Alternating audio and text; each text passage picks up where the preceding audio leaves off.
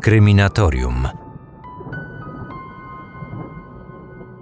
Dziś będziemy mówić o psychopatach. Na początku muszę wyraźnie podkreślić, że nie jestem ekspertem w dziedzinie psychiatrii.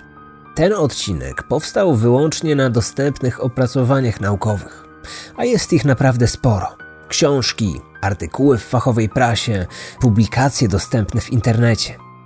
Wydawać by się mogło, że skoro ten temat został dotychczas tak drobiazgowo opisany i przedstawiony, to nasza wiedza o psychopatach powinna być równie wielka. Tak jednak nie jest, a prawda nadal jest skutecznie zagłuszana przez powstałe mity. Dlaczego tak się dzieje? No, duży udział ma w tym kultura masowa. Filmy, seriale czy książki to wszystko często kształtuje nasze wyobrażenia zarówno o świecie, jak i o innych ludziach. Oglądając filmy o psychopatach, nie zastanawiamy się, czy wszystko, co prezentują nam twórcy, jest zgodne z prawdą. Chłoniemy ukazane stereotypy, które z czasem bardzo mocno zakorzeniają się w naszej świadomości. A skoro mowa już o popkulturze, to chcę Wam przedstawić partnera naszego dzisiejszego odcinka. Ten materiał powstał przy współpracy z Kanal Plus Online z okazji premiery serialu Dexter New Blood. O tej produkcji za chwilę opowiem nieco więcej, ale musicie wiedzieć, że to właśnie serialowy Dexter zainspirował mnie do podjęcia tego tematu. Czyż nie jest tak, że niektórym z nas wydawało się kiedyś, a może nadal się nam wydaje, że psychopata to taki dziwny gość biegający po ulicy z zakrwawionym nożem? Jakiś wariat, który mówi sam do siebie i grozi śmiercią wszystkim napotkanym ludziom. Założę się, że część osób, przynajmniej takich, które nie są bliżej zaznajomione z gatunkiem true crime, choć raz w życiu właśnie tak wyobrażała sobie takiego typowego psychopatę jako dziwaka śmiertelnie niebezpiecznego dla otoczenia, w tym także niebezpiecznego dla nas samych. Jeśli rzeczywiście są oni tacy groźni, to dlaczego na co dzień nie boimy się spotkania takiego człowieka? Przecież chodząc zatłoczonymi ulicami lub gdy robimy zakupy w markecie, no to często spotykamy mnóstwo nieznanych nam osób, prawda? Dlaczego nie boimy się wtedy, że nagle staniemy oko w oko z psychopatą, którego jedynym życiowym celem będzie posłanie nas na tamten świat? Odpowiedź jest banalnie prosta, bo nadal wierzymy w kolejny stereotyp o tych osobnikach. Wierzymy, że psychopaci nie są tacy jak inni, że nawet gdyby ktoś taki pojawił się niespodziewanie na naszej drodze, no to od razu go rozpoznamy. Może nie do końca wiemy dokładnie po czym go rozpoznamy, ale wierzymy, że tak będzie. I rozpoznamy go już z daleka, a wtedy będziemy w stanie zawczasu uciec lub przynajmniej przygotować się do obrony. Wierzymy też w inny stereotyp, który popularyzują media. Często uznajemy, że każdy psychopata jest mordercą, najlepiej od razu seryjnym, że każdy seryjny jest psychopatą, że słowa psychopata i socjopata oznaczają to samo. Że psychopaci to albo głupki, albo wybitni geniusze. Że łatwo jest ich pokonać, jeśli jest się inteligentniejszym od nich. Przecież w filmach ten sprytny gliniarz zawsze w końcu wpada na jego trop, ale zanim to się stanie, to właśnie ci mniej rozgarnięci policjanci zostają przez takiego psychola zabici. No tak to zazwyczaj wygląda. No dobra, ale co jeśli teraz powiem wam, że to nieprawda? Że większość filmów, seriali i książek po prostu mija się z prawdą, że nie rozpoznalibyście prawdziwego psychopaty nawet wtedy, gdybyście się o niego potknęli na ulicy. Brzmi to niepokojąco, prawda? Większość prawdziwych psychopatów na pierwszy rzut oka zachowuje się normalnie. Powiem więcej, duża część z nich jest podziwiana i szanowana przez społeczeństwo. Odnoszą sukcesy, robią kariery, zarabiają duże pieniądze. Mówiąc prościej, są dokładnie tacy sami jak my. Większość prawdziwych psychopatów y, nie jest aż tak groźna dla otoczenia, jak na ogół się sądzi. Tylko niewielka ich część jest mordercami, a jeszcze mniej seryjnymi zabójcami. W tym odcinku opowiem Wam właśnie o tej ostatniej grupie psychopatów o seryjnych zabójcach. Wyjaśnię też, czym różni się psychopata od socjopaty i przedstawię kilku prawdziwych zabójców, u których stwierdzono takie zaburzenia. Dowiecie się też, po czym tak naprawdę można rozpoznać takie osoby. Co więcej, po wysłuchaniu tego odcinka, każdy z Was będzie mógł sam sobie odpowiedzieć na najważniejsze pytanie: czy ja też mogę być psychopatą, albo czy może znam kogoś takiego? Brytyjski profesor kryminologii David Wilson powiedział kiedyś, że gdyby psychopatom wyrastały rogi, wtedy ludzie mogliby ich skutecznie unikać. Ale niestety nie wyrastają. Co więcej, niczym nie różnią się od reszty obywateli. To dlatego tak dobrze udaje im się wtopić w tłum. Wielu z nich jest przykładnymi mężami, idealnymi ojcami, najlepszymi przyjaciółmi. Potrafią być czarujące, a przy tym niezwykle wiarygodni. Z łatwością zdobywają zaufanie nie tylko całego swojego otoczenia, ale przede wszystkim swoich potencjalnych ofiar. Są to osoby o pewnego rodzaju dysfunkcjach poznawczo-emocjonalnych. W psychiatrii nie występuje jednostka chorobowa o nazwie psychopatia, jednak podręczniki psychiatrii i psychologii wyróżniają pewien zestaw cech przypisywanych psychopatom. Szczególnie niebezpiecznymi czyni ich to, że przez długi czas trudno się zorientować, że są osobami o zaburzonych emocjach i patologicznym sposobie myślenia. Stwarzanie pozorów normalności. W tym są najlepsi. Idealnym tego przykładem jest Dexter Morgan. To akurat postać fikcyjna, główny bohater głośnego serialu. Dexter jest czarujący, miły, lubiany przez kolegów z pracy. Ma dziewczynę. Przebrana siostra uważa go za dobrego człowieka. Co więcej, pracuje w policji. Jest odpowiedzialny za analizę śladów krwi, no i jest w tym naprawdę dobry. Tylko jedna rzecz różni go od innych. Dexter jest seryjnym zabójcą. Jednak nie takim, jakich kojarzycie z odcinków tego podcastu. Bo Dexter zabija wyłącznie złych ludzi. Staje się przez to pewnego rodzaju jednoosobowym wymiarem sprawiedliwości, na własną rękę załatwiającym to, czego nie może załatwić policja. To oczywiście nie usprawiedliwia dokonywanych przez niego samosądów. Zabójstwo to zabójstwo, nawet jeśli jego ofiarami padają inni zabójcy.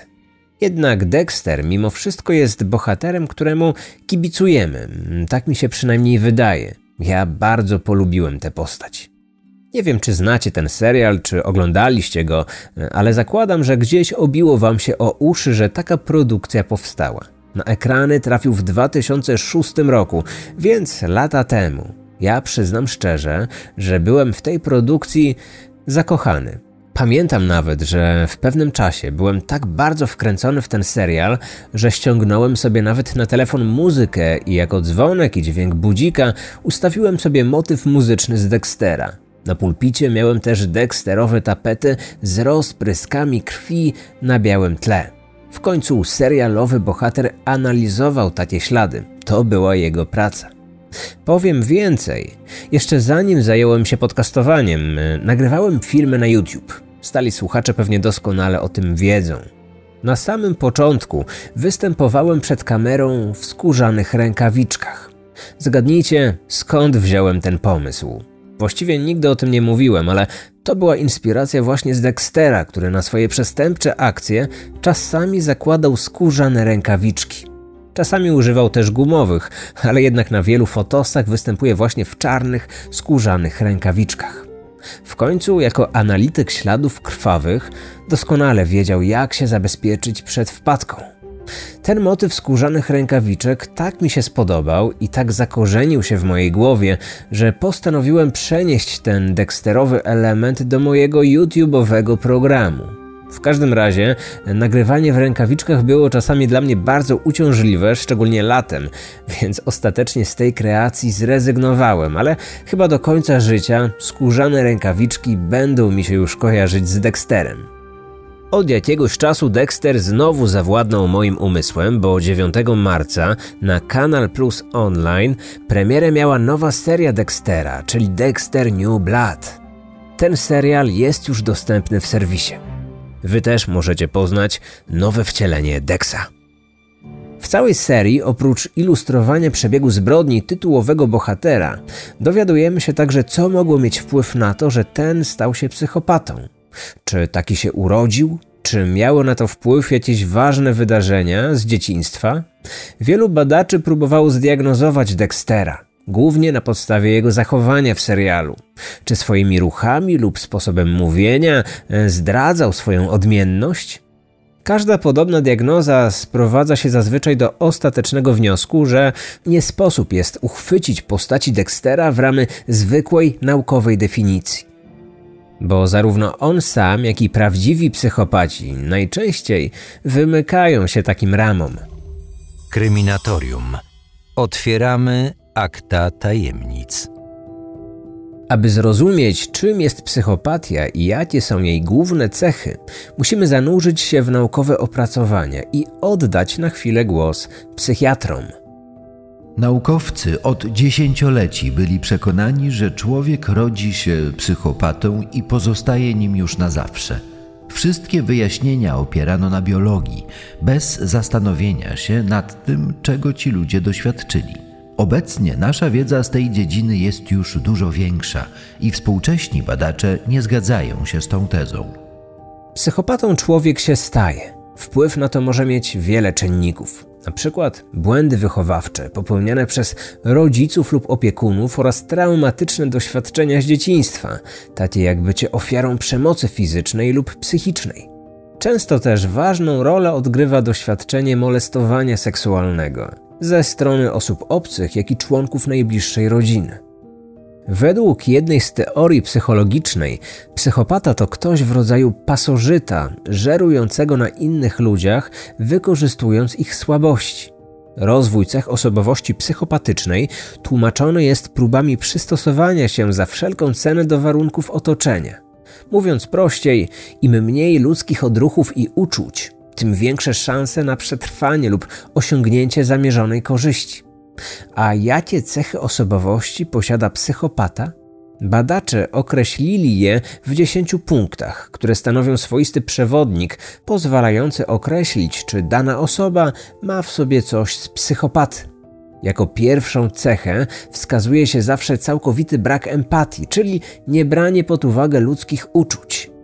Znacie powiedzenie: nie czyń drugiemu, co tobie niemiłe? Psychopaci w ogóle nie potrafią myśleć w taki sposób.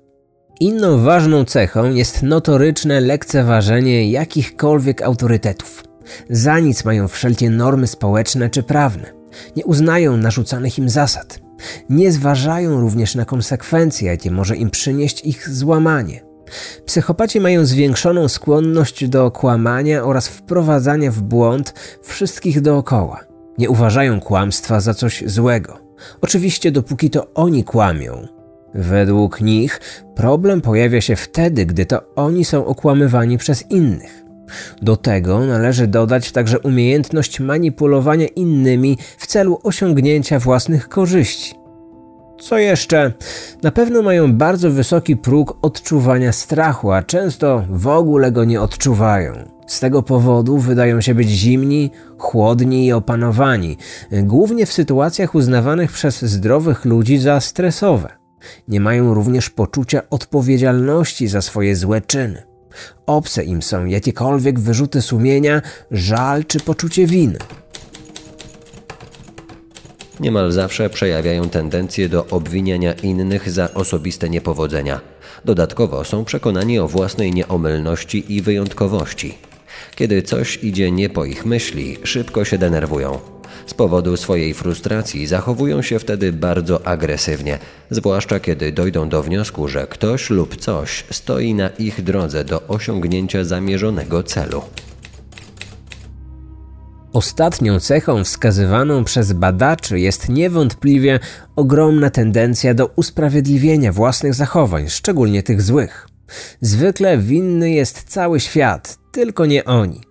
Podają przy tym mnóstwo mniej lub bardziej racjonalnych wymówek i wyjaśnień. Czy nie są to wady, które na co dzień dostrzegamy u innych ludzi? Zwłaszcza w dzisiejszym świecie, w którym dla wielu osób najbardziej liczy się odniesienie sukcesu lub zarobienie góry pieniędzy. Co ciekawe, wiele badań naukowych wskazuje jasno, że podobne cechy osobowości predysponują ludzi do zajmowania wysokich stanowisk menedżerskich i kierowniczych. I teraz wielu z Was pomyślało zapewne: O mój Boże, przecież mój szef to psychopata. I wiecie co? To niewykluczone. Pamiętajcie o statystykach mówiących, że na każde 100 osób, trzy z nich to psychopaci. Smutne, ale niestety prawdziwe. Badacze przez wiele lat uważali, że psychopata i socjopata to jedna i ta sama osoba, a oba określenia traktowano jako synonimy. Stąd często występuje przeświadczenie, że pomiędzy psychopatą i socjopatą nie ma większej różnicy. Ależ skądże? Obecnie nastąpiło zdecydowane rozdzielenie tych pojęć. Uważa się, że socjopatia ma podłoże społeczne, a psychopatia biologiczne. Osobowość socjopatyczna jest skutkiem negatywnych kontaktów społecznych na wczesnych etapach życia i wpływów środowiskowych. Socjopaci to osoby prawidłowo rozwinięte intelektualnie, które kierują się wypaczonym kodeksem moralnym lub takowego nie mają. Poza tym socjopaci nie potrafią przywiązać się do drugiego człowieka i zbudować z nim bliskich relacji. Nie odczuwają wstydu i wyrzutów sumienia. Oczywiście, zdecydowana większość cech u jednych i drugich jest dokładnie taka sama. Różnią się tylko przyczyny ich występowania. Musimy pamiętać, że psychopatia jest schorzeniem wynikającym z czynników genetycznych oraz występowaniem nierównowagi chemicznej w mózgu. W przeciwieństwie do socjopatów, psychopaci często ukrywają brak swoich uczuć. Potrafią udawać, że kochają, współczują i rozumieją. Potrafią rozróżnić dobro od zła i są świadomi występowania zasad moralnych i świadomie ich nie przestrzegają. Z tego powodu to właśnie psychopaci, a nie socjopaci, są dużo bardziej skłonni do popełniania ciężkich zbrodni, takich jak zabójstwa czy gwałty. I dlatego właśnie psychopatia stała się terminem mocno związanym z kryminologią. Warto w tym miejscu jeszcze raz podkreślić, że nie każdy psychopata jest lub będzie mordercą. Oczywiście, niezmiennie będzie postrzegany przez innych jako skrajny egoista, manipulant, naciągacz, kłamca czy karierowicz, a w najlepszym razie po prostu jako zwykły ham. I nie będzie on żadnym szaleńcem. Ich postępowanie nie wynika z obłędu, lecz z zimnej i wyrachowanej racjonalności. I z dużym prawdopodobieństwem nie będzie on żadnym zbrodniarzem. Większość psychopatów oddaje się osiąganiu swoich własnych celów, nikogo przy tym nie mordując. Nie licząc tych najbardziej brutalnych i rozgłaszanych przez media przypadków, większość psychopatów nie zabija, ale i tak wywiera wpływ na naszą codzienność. Bardziej prawdopodobne jest zatem, że stracimy wszystkie oszczędności oszukani przez sprytnego naciągacza, niż stracimy życie zaatakowani przez mordercę o stalowym spojrzeniu. Wiemy więc już, że nie każdy psychopata jest seryjnym zabójcą. Tak samo jak nie każdy seryjny morderca jest psychopatą. A skoro tak, to spójrzmy, co o tym wszystkim mówią liczby i statystyki. Badania prowadzone przez różne grupy naukowców nie zawsze są ze sobą zgodne. Czasami ich wyniki nie tylko nie pokrywają się ze sobą, ale nawet bardzo się różnią. Aby łatwiej nam było to zrozumieć, posłużę się uśrednionymi danymi. Wspomniałem już wcześniej, że na każde 100 osób, 3 z nich to psychopaci.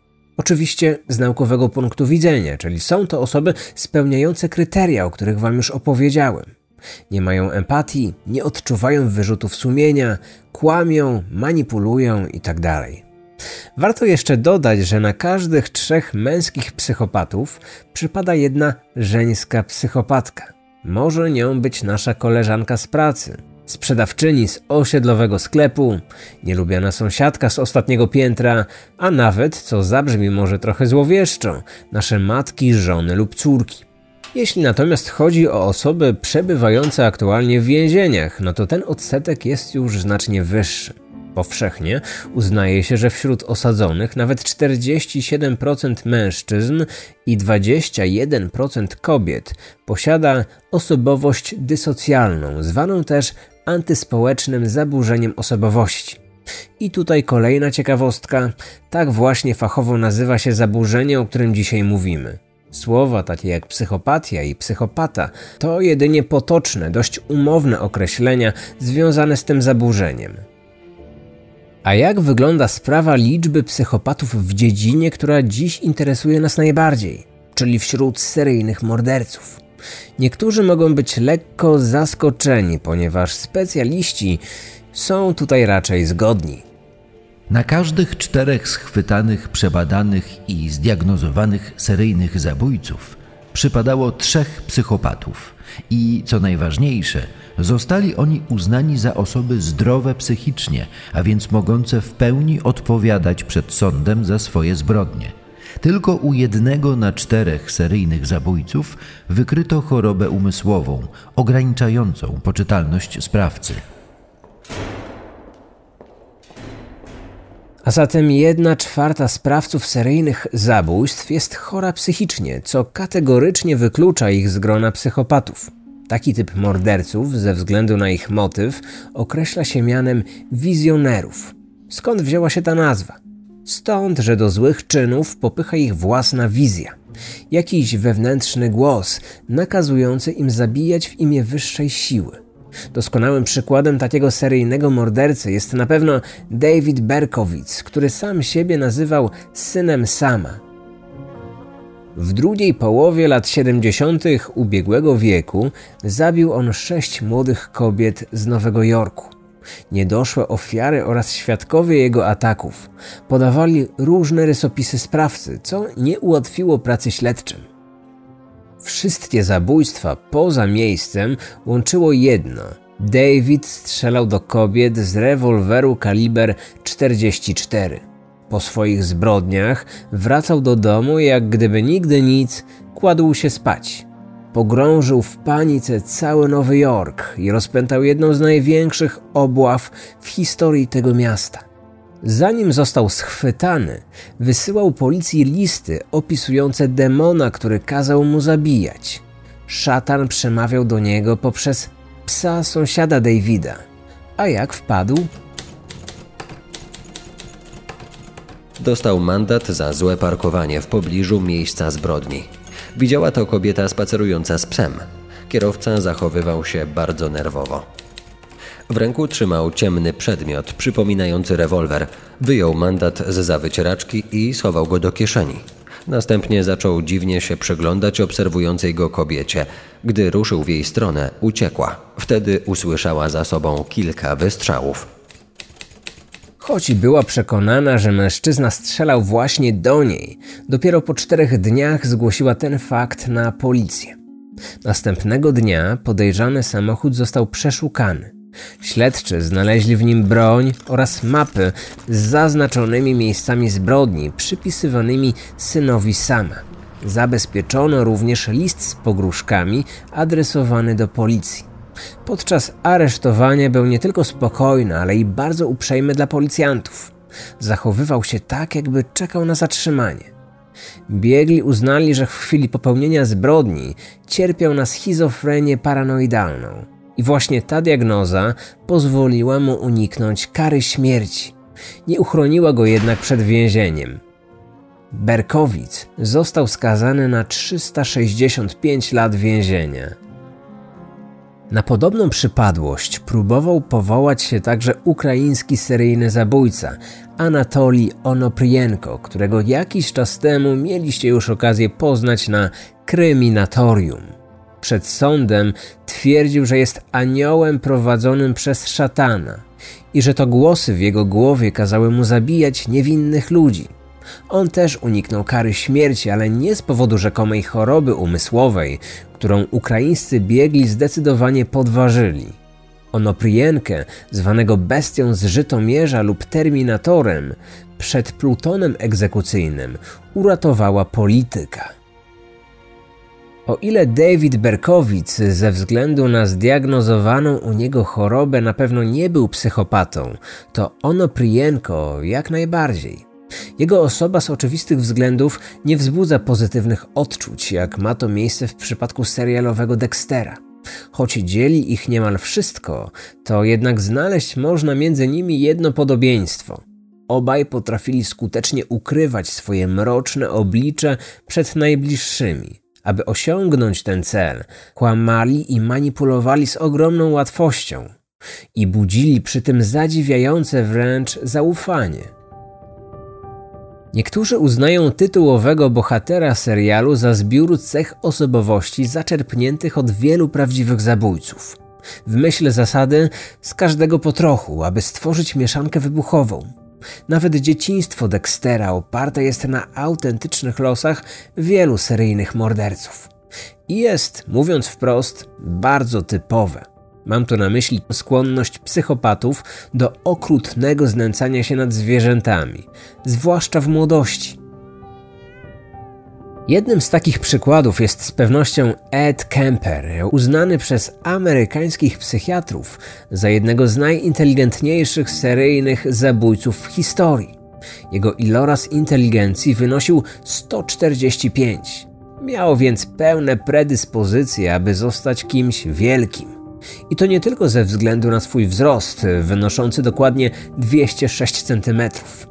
Kemper mógł być geniuszem nauki Zamiast tego został geniuszem zbrodni. Działał na przełomie lat 60. i 70. ubiegłego wieku. Jego celem były młode i piękne autostopowiczki, które zwabiał do swojego samochodu. Następnie wywoził ofiary w odludne miejsca i mordował. Ich ciała zabierał do domu, rozczłonkowywał i bezcześcił. Zanim sam oddał się w ręce policji, Zdążył jeszcze zabić swoją matkę i jej przyjaciółkę. Oskarżono go o dokonanie ośmiu zabójstw z premedytacją. Ed Kemper przyznał się do wszystkich zbrodni, które szczegółowo opisał. Choć jego obrońca powoływał się na niepoczytalność Eda, biegli psychiatrzy odrzucili taką możliwość. Uznano go za osobę jak najbardziej zdrową psychicznie i w pełni świadomą swoich czynów ale zdiagnozowano u niego antyspołeczne zaburzenia osobowości. Mówiąc wprost, Ed Kemper był stuprocentowym psychopatą. Po prostu jedną wielką chodzącą definicją tego słowa. I to dosłownie wielką, bo ponad dwumetrową. Podczas badań psychiatrycznych odkryto, że już w dzieciństwie Ed nie był taki jak jego rówieśnicy. Od wczesnych lat wykazywał skłonności sadystyczne. Objawiały się one głównie tym, że jako dziesięciolatek bezlitośnie okaleczał, torturował i zabijał zwierzęta. Czyli dokładnie tak, jak czynił to fikcyjny Dexter Morgan. Z tą tylko różnicą, że serialowy bohater w przerwach pomiędzy pozbawianiem życia kolejnego bezbronnego stworzenia nie bawił się z siostrą w dokonywanie egzekucji w komorze gazowej lub na krześle elektrycznym. A Ed Kemper tak. Jak później stwierdził, odsiadując swój wyrok do żywocia, była to jego ulubiona zabawa w dzieciństwie. Nie wszyscy psychopaci są na pierwszy rzut oka tak odrażający. Niektórzy z nich, pomimo wielu popełnionych zbrodni, sprawiali wrażenie naprawdę miłych gości. Czy można się tu posłużyć lepszym przykładem niż postać Teda Bandiego? Czarujący, grzeczny i zdaniem części kobiet niesamowicie przystojny. Budził też szczere zaufanie. I nawet czekając już na własną egzekucję, wciąż był obiektem westchnień zakochanych w nim fanek. Spytacie, jak to w ogóle możliwe, że ktoś może darzyć sympatią prawdziwego psychopatę? Psychopaci, jeśli chcą, potrafią być naprawdę uroczymi ludźmi. Przecież serialowemu Dexterowi kibicujemy od samego początku. Wzbudza naszą nieukrywaną sympatię, pomimo tego, że jesteśmy przecież świadomi tym, czym zajmuje się w wolnych chwilach. Nie inaczej było z Tedem. Kilka wątków z jego historii przybliżyłem Wam niedawno w jednym z odcinków podcastu. Odsyłem do materiału numer 168. Bundy przyznał się do zamordowania 36 kobiet, ale policja potrafiła potwierdzić tylko 30 ofiar. Najczęściej zabijał za pomocą tępego narzędzia, czasami dusił. Swoje ofiary wykorzystywał seksualnie, tak przed, jak i po zabójstwie. Bez problemu zwabiał je do siebie. Udając kontuzjowanego, prosił przypadkowe kobiety o pomoc. Młody i przystojny mężczyzna mający rękę w gipsie lub poruszający się o kulach wzbudzał powszechne zaufanie. Był przy tym niezwykle kulturalny i miły, co tylko ułatwiało mu nawiązywanie kontaktów z wybranymi przez niego ofiarami. Gdy czuł, że nadszedł odpowiedni moment, atakował ze zaskoczenia. Stawał się wówczas agresywny, brutalny i bezlitosny. Nikt z jego najbliższych nawet nie podejrzewał, że Ted może być poszukiwanym seryjnym zabójcą, a do tego groźnym i niebezpiecznym psychopatą, zabijającym dla zaspokojenia swojej chorej żądzy władzy i kontroli nad ofiarami. W ręce policji wpadł podczas rutynowej kontroli drogowej. Kiedy tylko wyszło na jaw, że samochód jest kradziony, przerażony i spanikowany Bundy próbował za wszelką cenę uciec. Wdał się w bójkę z policjantami, ale szybko został obezwładniony i aresztowany. Ostatecznie został stracony na krześle elektrycznym. Z serialowym Dexterem Teda nie łączyło zbyt wiele. Nawet motyw dokonywania zbrodni całkowicie ich różnił. Trzeba jednak przyznać, że obaj wzbudzali sympatię pomimo powszechnej świadomości dotyczącej ich dodatkowego zajęcia.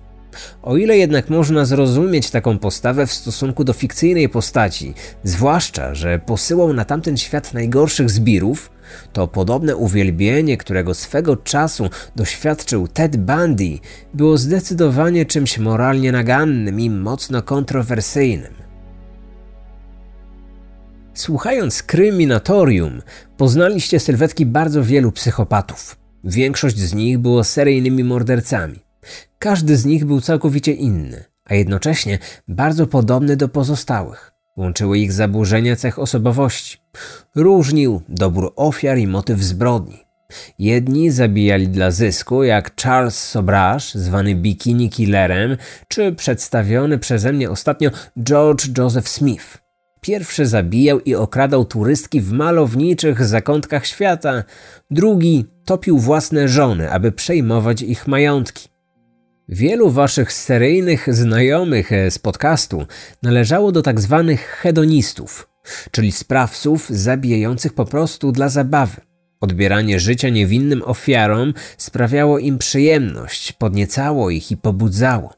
Taki typ seryjnych zabójców uważany jest przez ekspertów za ten najgroźniejszy. Są oni wyjątkowo brutalni i bezlitośni. Wśród hedonistów najliczniejszą grupę stanowią zabójcy z lubieżności, czyli psychopaci zabijający z pobudek czysto seksualnych.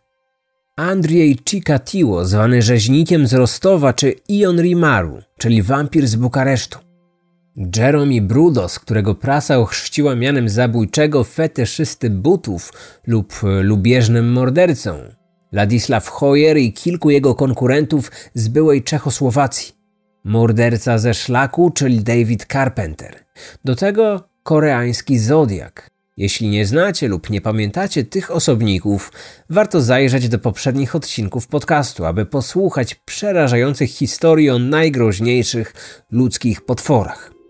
A gdy już skończycie odsłuch, z pewnością zrozumiecie, do czego zdolne są te bestie w ludzkiej skórze. Dojdziecie także do wniosku, że psychopaci byli z nami od zawsze, są wszędzie i zawsze będą, na każdym kontynencie i w każdym kraju. Właściwie to niczym nie różnią się od setki ludzi, których codziennie mijamy na ulicach, więc nie rozpoznamy ich. Nawet jeśli staną przed nami i spytają o drogę, gdy w sklepie wpuszczą nas przed siebie w kolejkę, gdy ustąpią nam miejsca w autobusie.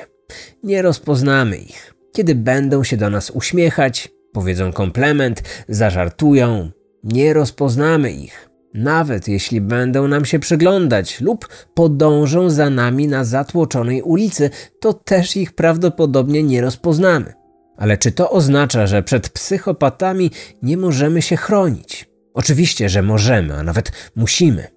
Kanadyjski psycholog kryminalny, a zarazem były doradca FBI do spraw tropienia i zwalczania seryjnych morderców, ma dla nas bardzo ważną radę, którą musimy sobie wziąć do serca. Oczywiście, jeśli chcemy przeżyć spotkanie z psychopatą.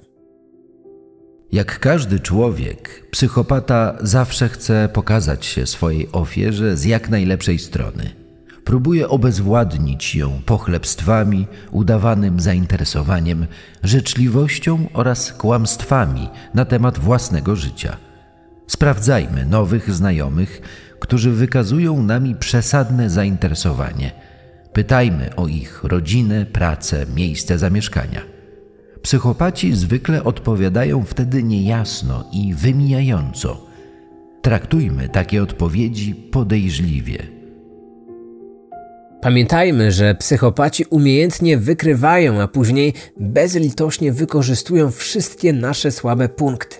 Starajmy się więc unikać osób, które wykazują zbyt duże zainteresowanie naszymi słabościami, które za wszelką cenę starają się poznać nasze wady lub dopytują o nasze osobiste problemy, zwłaszcza jeśli nie znamy tych osób zbyt dobrze. Oczywiście żadna metoda nie jest skuteczna na 100%, ale zdrowy rozsądek i zwykła ostrożność pozwala nam zminimalizować ryzyko stania się ofiarą psychopaty, tak seryjnego zabójcy, jak i wyrafinowanego oszusta, bo psychopata nie zawsze chce nas zabić. Czasami pragnie nas jedynie okraść lub na coś naciągnąć. Bądźcie więc czujni i uważajcie na siebie, bo świat pełen jest złych ludzi. Odcinek powstał na podstawie książek takich autorów jak Robert Herr, David Wilson, Kazimierz Pospiszał, David Abramson, Jack Rosewood oraz Anne Rule. Wykorzystano również artykuły naukowe opublikowane w serwisie MedOnet oraz na stronie Instytutu Psychologii Zdrowia Polskiego Towarzystwa Psychologicznego.